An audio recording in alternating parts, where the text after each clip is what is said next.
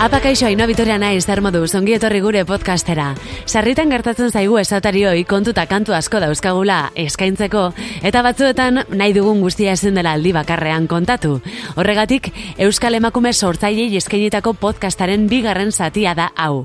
Panorama aldatzen ari da, holtza gainean emakume gehiago ikusten ari gara, lehen planora iristen ari diren emakume gazte asko deskubritzen ari gara, eta horren islada da podcast hau. Bigarren atal honi hasiera mateko, maren artista aukeratu dugu. Margarita Silabanda mimos egindako lana da, eta bertatik atera dugu, debería ser normal, ongi etorri da noi. Creo que me van a aplastar y no tengo margen para apartarme. Creo que me empiezo a marear. Será por las luces tan fuertes, tan verdes. Debería ser normal.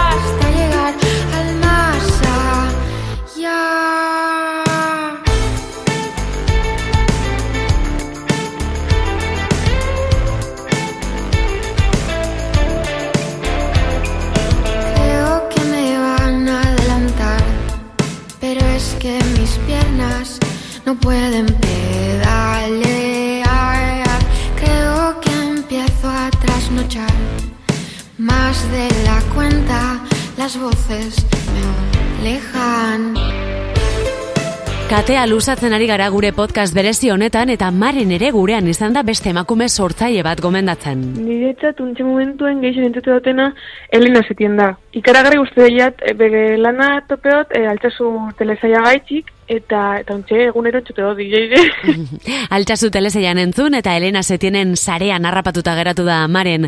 Eta badago abesti bat bereziki gustoko duena, jauregi. Euskal Herriko iluntasune, ala, ba, basoetako iluntasune eta horrelako ba, sentsazioa isladatu da bela bere musikan super super ondo eta niretzat ba hori da etxe etxera era bat soinu bat da eta ikaragarri gustatu jat.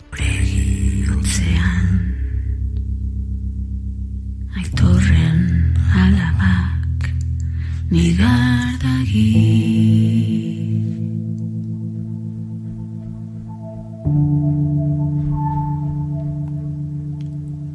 Goizetik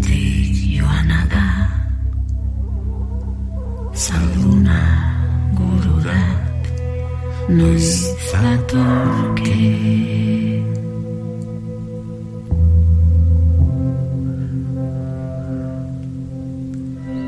Mendieta el Lur. Así.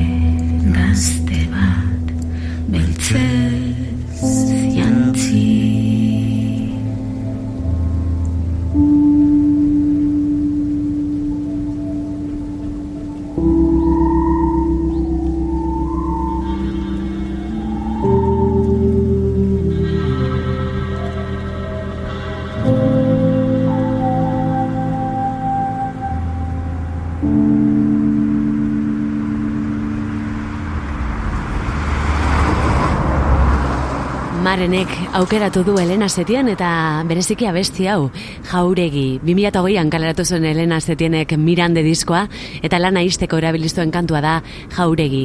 Elenak ere katea jarraitu du eta maite larburu gomendatu digu.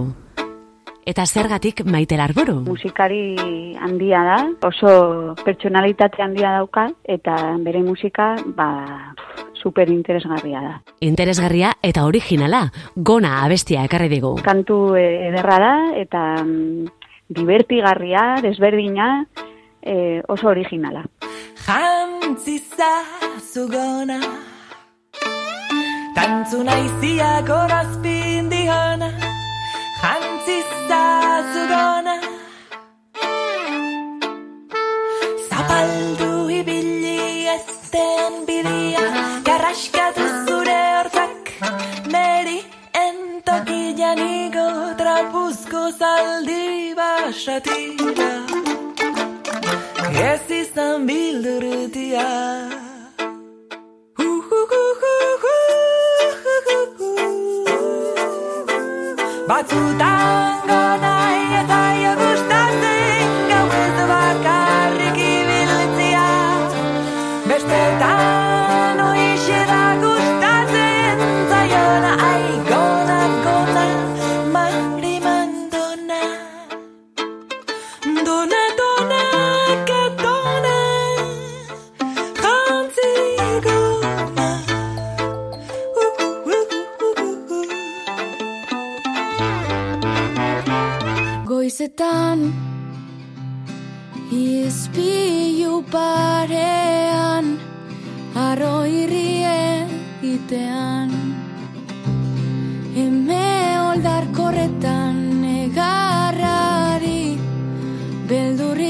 Dios te enguisó.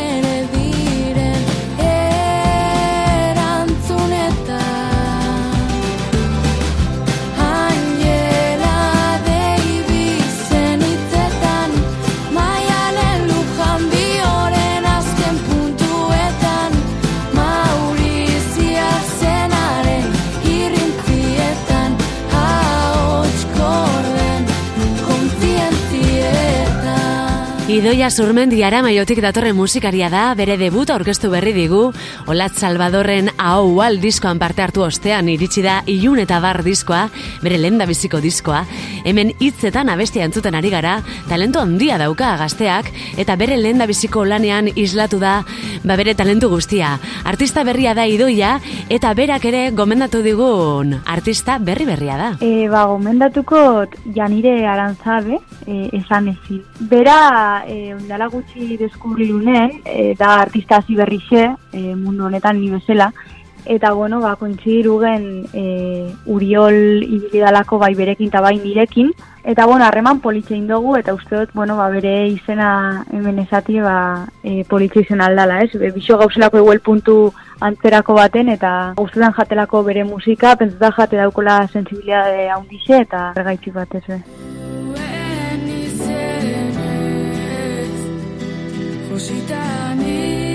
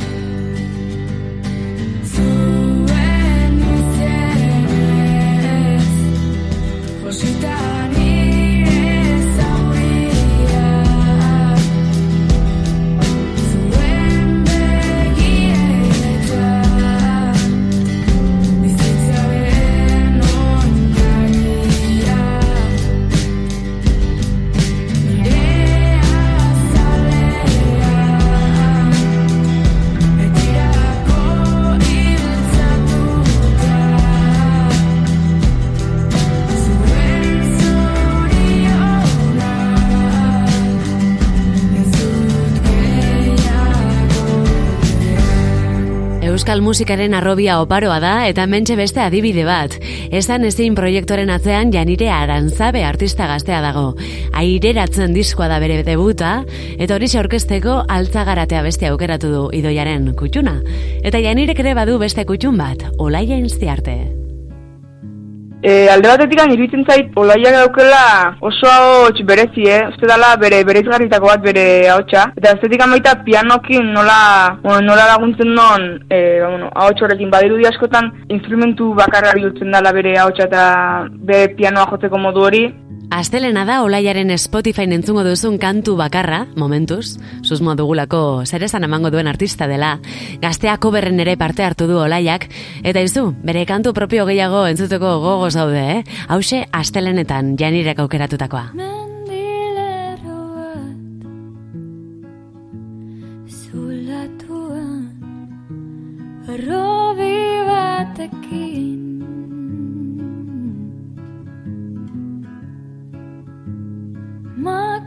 Makroproiektu Baten namuan Gezurra zintzilik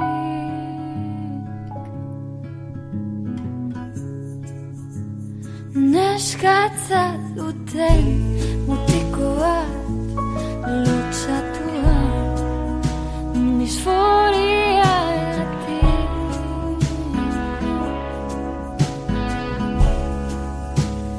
embaixo de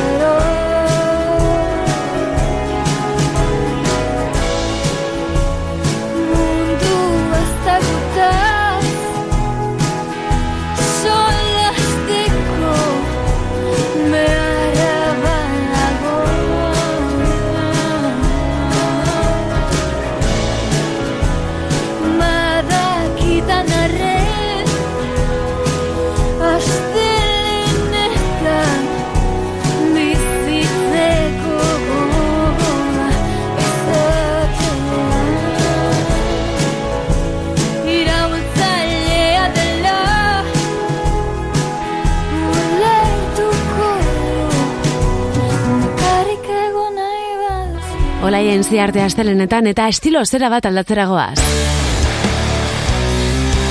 Olaiak berak eskatuta, Nafarroan geratuko gara. Ba, bera, nik jo nahi izan dut e, onatan ere etxera Nafarrora, eta mm, badago iruñerrian, pila bat guztien zaiten e, bueno, abeslaria eta musikari bat. Lorena Aiza da bere izena, eta da sorkari taldeko abeslaria. Eta Lorena Aixaren zein berezitasun azpimarratuko luke Olaiak. Murgildu ninduen e, pila bat, e, hola, barne mundu batean bezala, eta idurutu zitzaten supera hots potentea, baina alde, ba- aldi berian goxua eta baduna, baduna zerbait berezia. Ez dakit erraten zer den, berak kriston kontrola du bere ahotsaren gain, baina bai hori, da ahots bat aize pila batekin, eta niri hori haunitz irizten zait. Ba, badira, eh, azaldu ezinak diren sentsazioak, ezta? Gustoko dugu, baina ez dakigu ez dergatik. Bueno, ba, horixe da gertatu zaiona olaiari, Lorena Aixarekin, zorkari kilima.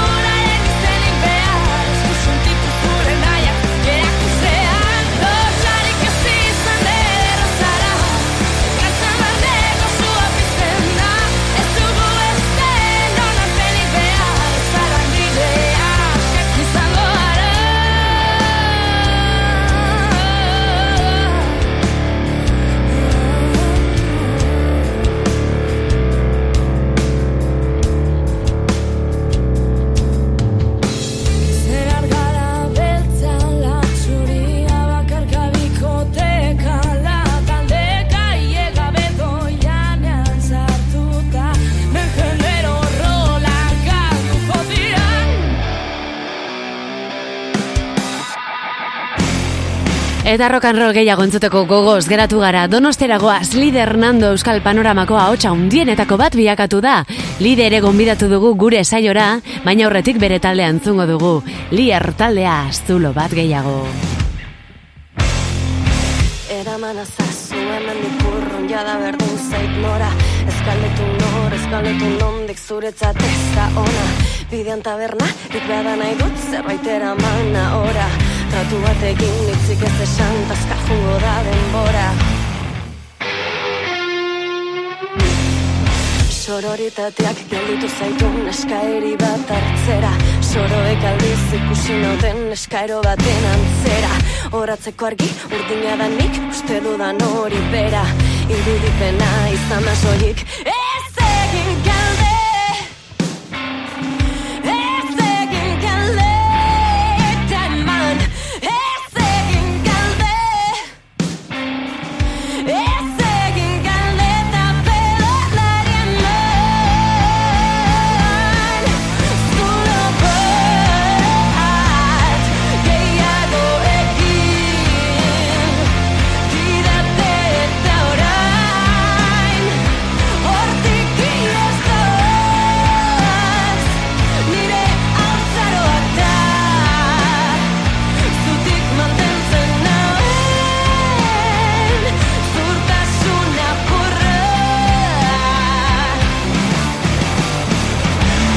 Zorionez emakume musikari erreferente asko dira gure artean eta guk eredutzat ditugun bezala eurak ere elkarren eredu dira. Lide Hernandok bere erreferentean orden kontatu digu. bizitzan eta gaur egun ere ba, eragin handia duen artista bat, eta bueno, zorionez ba, lagun ere bilakatu dena ba, miren narbaiza da, maiz, eta gomendatu nahi dudan abestia da errekastoa, bere azken epeko lehenbiziko abestia. Eta zergatik miren arbaiza. Nere kasuan behintzat izan zen lehenbiziko artista, emakumezko artista, entzunuena euskeraz, ordura arte entzun ez nuen modu batean abesten. Eta eragintzian pentsatzea jo ba edo zer gauza gentzitekela euskeraz, eta oso aske abestu zitekela ere euskeraz, berak abestu duen moduan, eta horrek bultzan induen ni abestera, beraz, ba, hori xea, niretzako berezitasuna. Zilar printzak diskoa irekitzaragoa sonela hasten da, errekastoa. Iluna barra nekati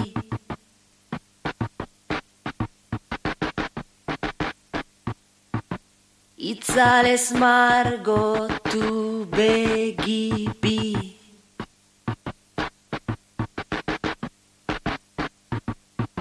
Egun guztiko eguzki.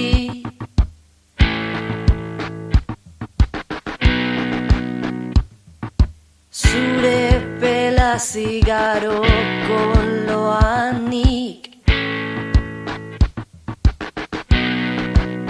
Eta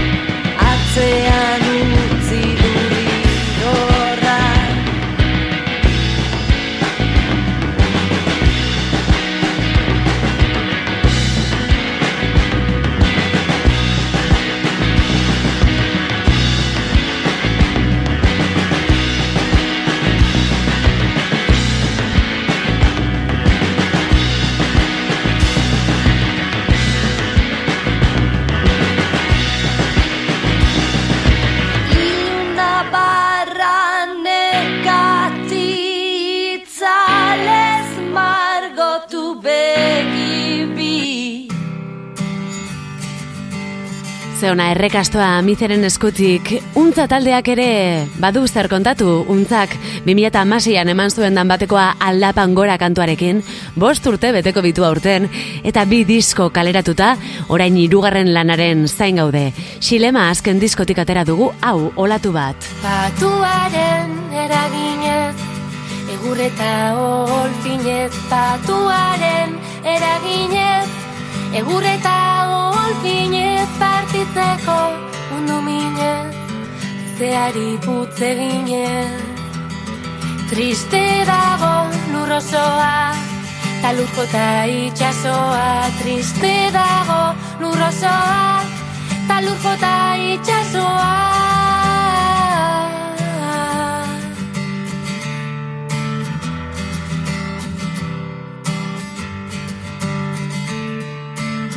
Ez lo kanta, ez olerki, intziniak ere serki. Ez lo kanta, ez olerki, intziniak ere serki.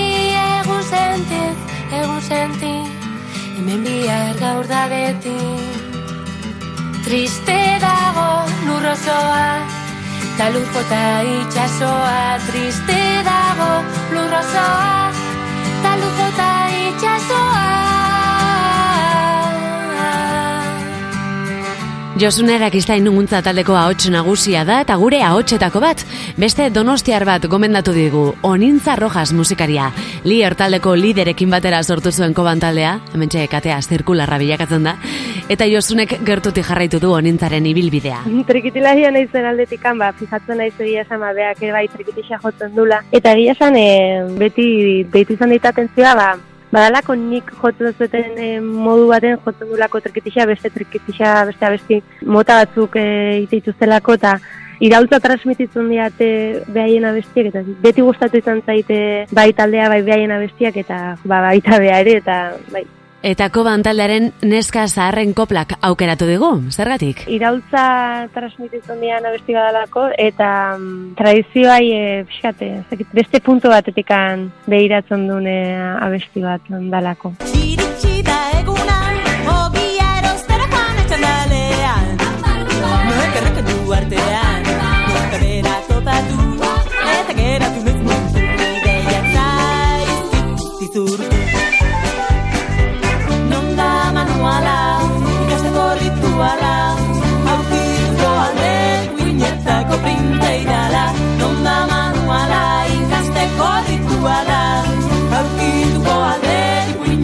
guinetako printze idala. Ez da mingeran eskatala. Iritsi da eguna, balandan aterakera eta txosnetan.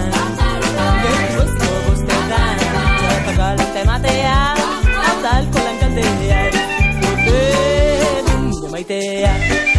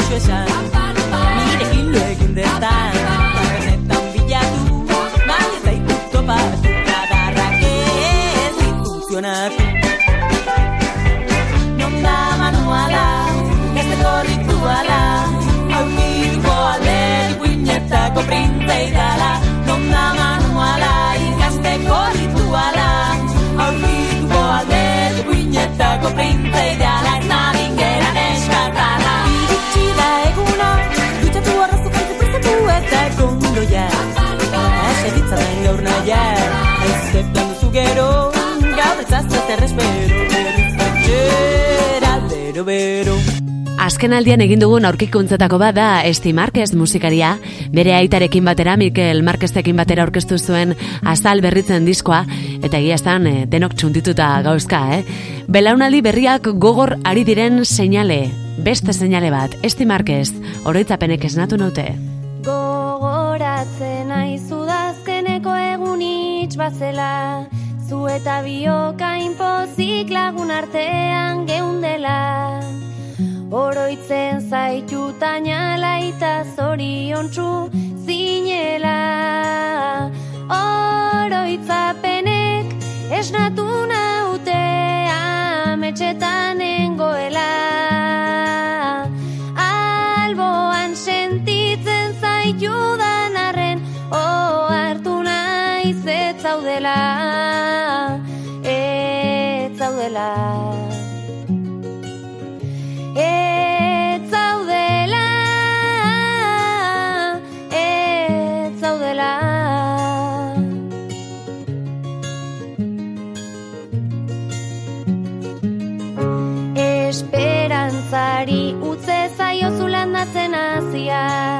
Desioa bilakatu ilusio erauntxia Maitasuna izan daiteke mingots garratza gazia. Oroitzapenek esnatu nautea Metxetan nengoela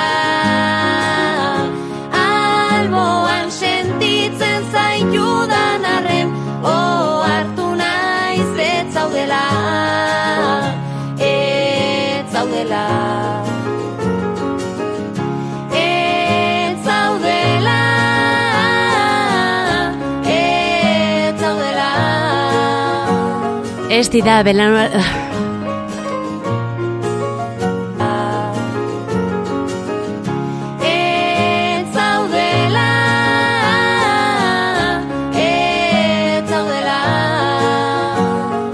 Ez da belaunaldi berriko aurpegietako bat, joder.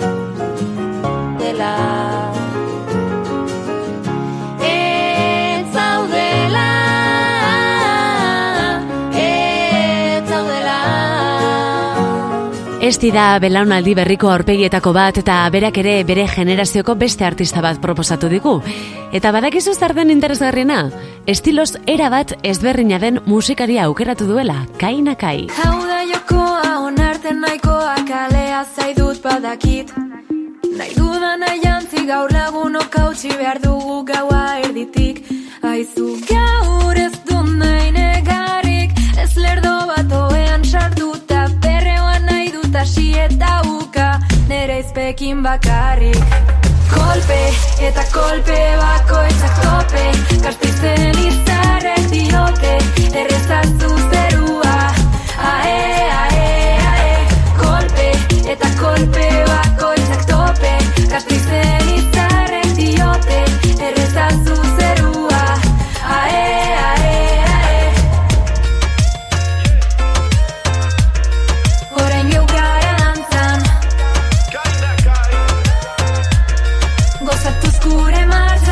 Iratxe Agilera dago kaina kairen atzean eta Esti Marquezek ba bere lana goraipatu nahi izan du.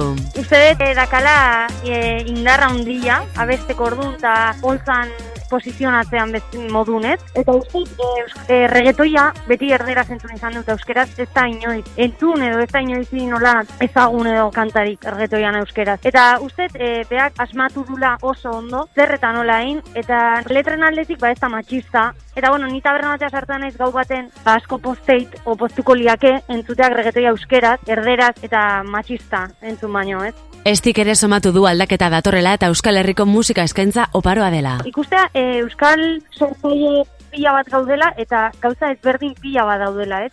Nahi bat entzun trapa euskeraz badaola, nahi bat entzun reggaeton euskeraz badaola, popa badao, osea, eta bueno, horratik justo gainakai, gaina emakumea da, eta bai,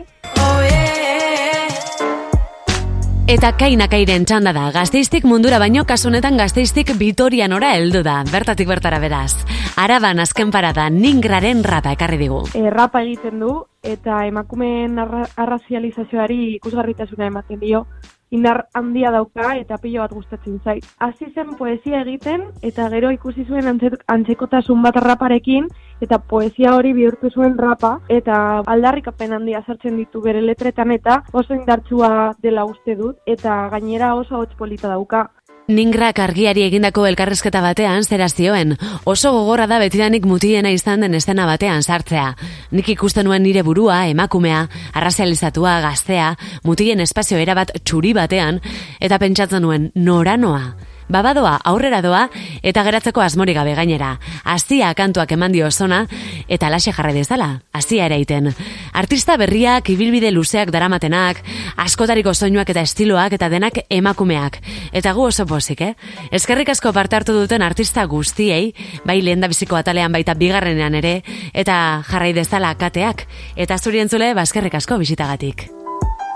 Kolore anitzez margotutako dibertsitatea. Gazte mugimendu ez duten Sarrera atea. Bat batean atea Itxi du errealitateak. Lanketaren novela ez da kasualitatea. Esarak dio kezurrak hankamotzak ditu. Tanik baino obetorik jakingo duzuzuk Itxurak eria zure txapita antifasista. Eskutuan deitzean la txinita. Ke lista, fantasia sexualetan dagoen Txinita, neska laguna izatea nahi duzun neska polita. Txina, txinita, txina, karatean onena Mierta kutreak salten, txinoan dagoena. Ederrekia dena, txinita izateko Hemengo izango dena, euskaraz mintzatzeko. Baina euskaraz dut nik, poesia sortu Rapeatzeko flowa soberan dut aitortu Egin gaitezen raparen oholtzaren jabe. Migratu arrazializatu emakume. Egin gaitezen raparen oholtzaren jabe. Oholtzalitzake ahalduntzeko sarbide. Nik entropia barrena aurkitu nuen izpia. Egurra ematera bultzatu nauen azia Iraina jaiotza ati jaio nintzen irian. Egia zanda inoiz itxiko ez den zauria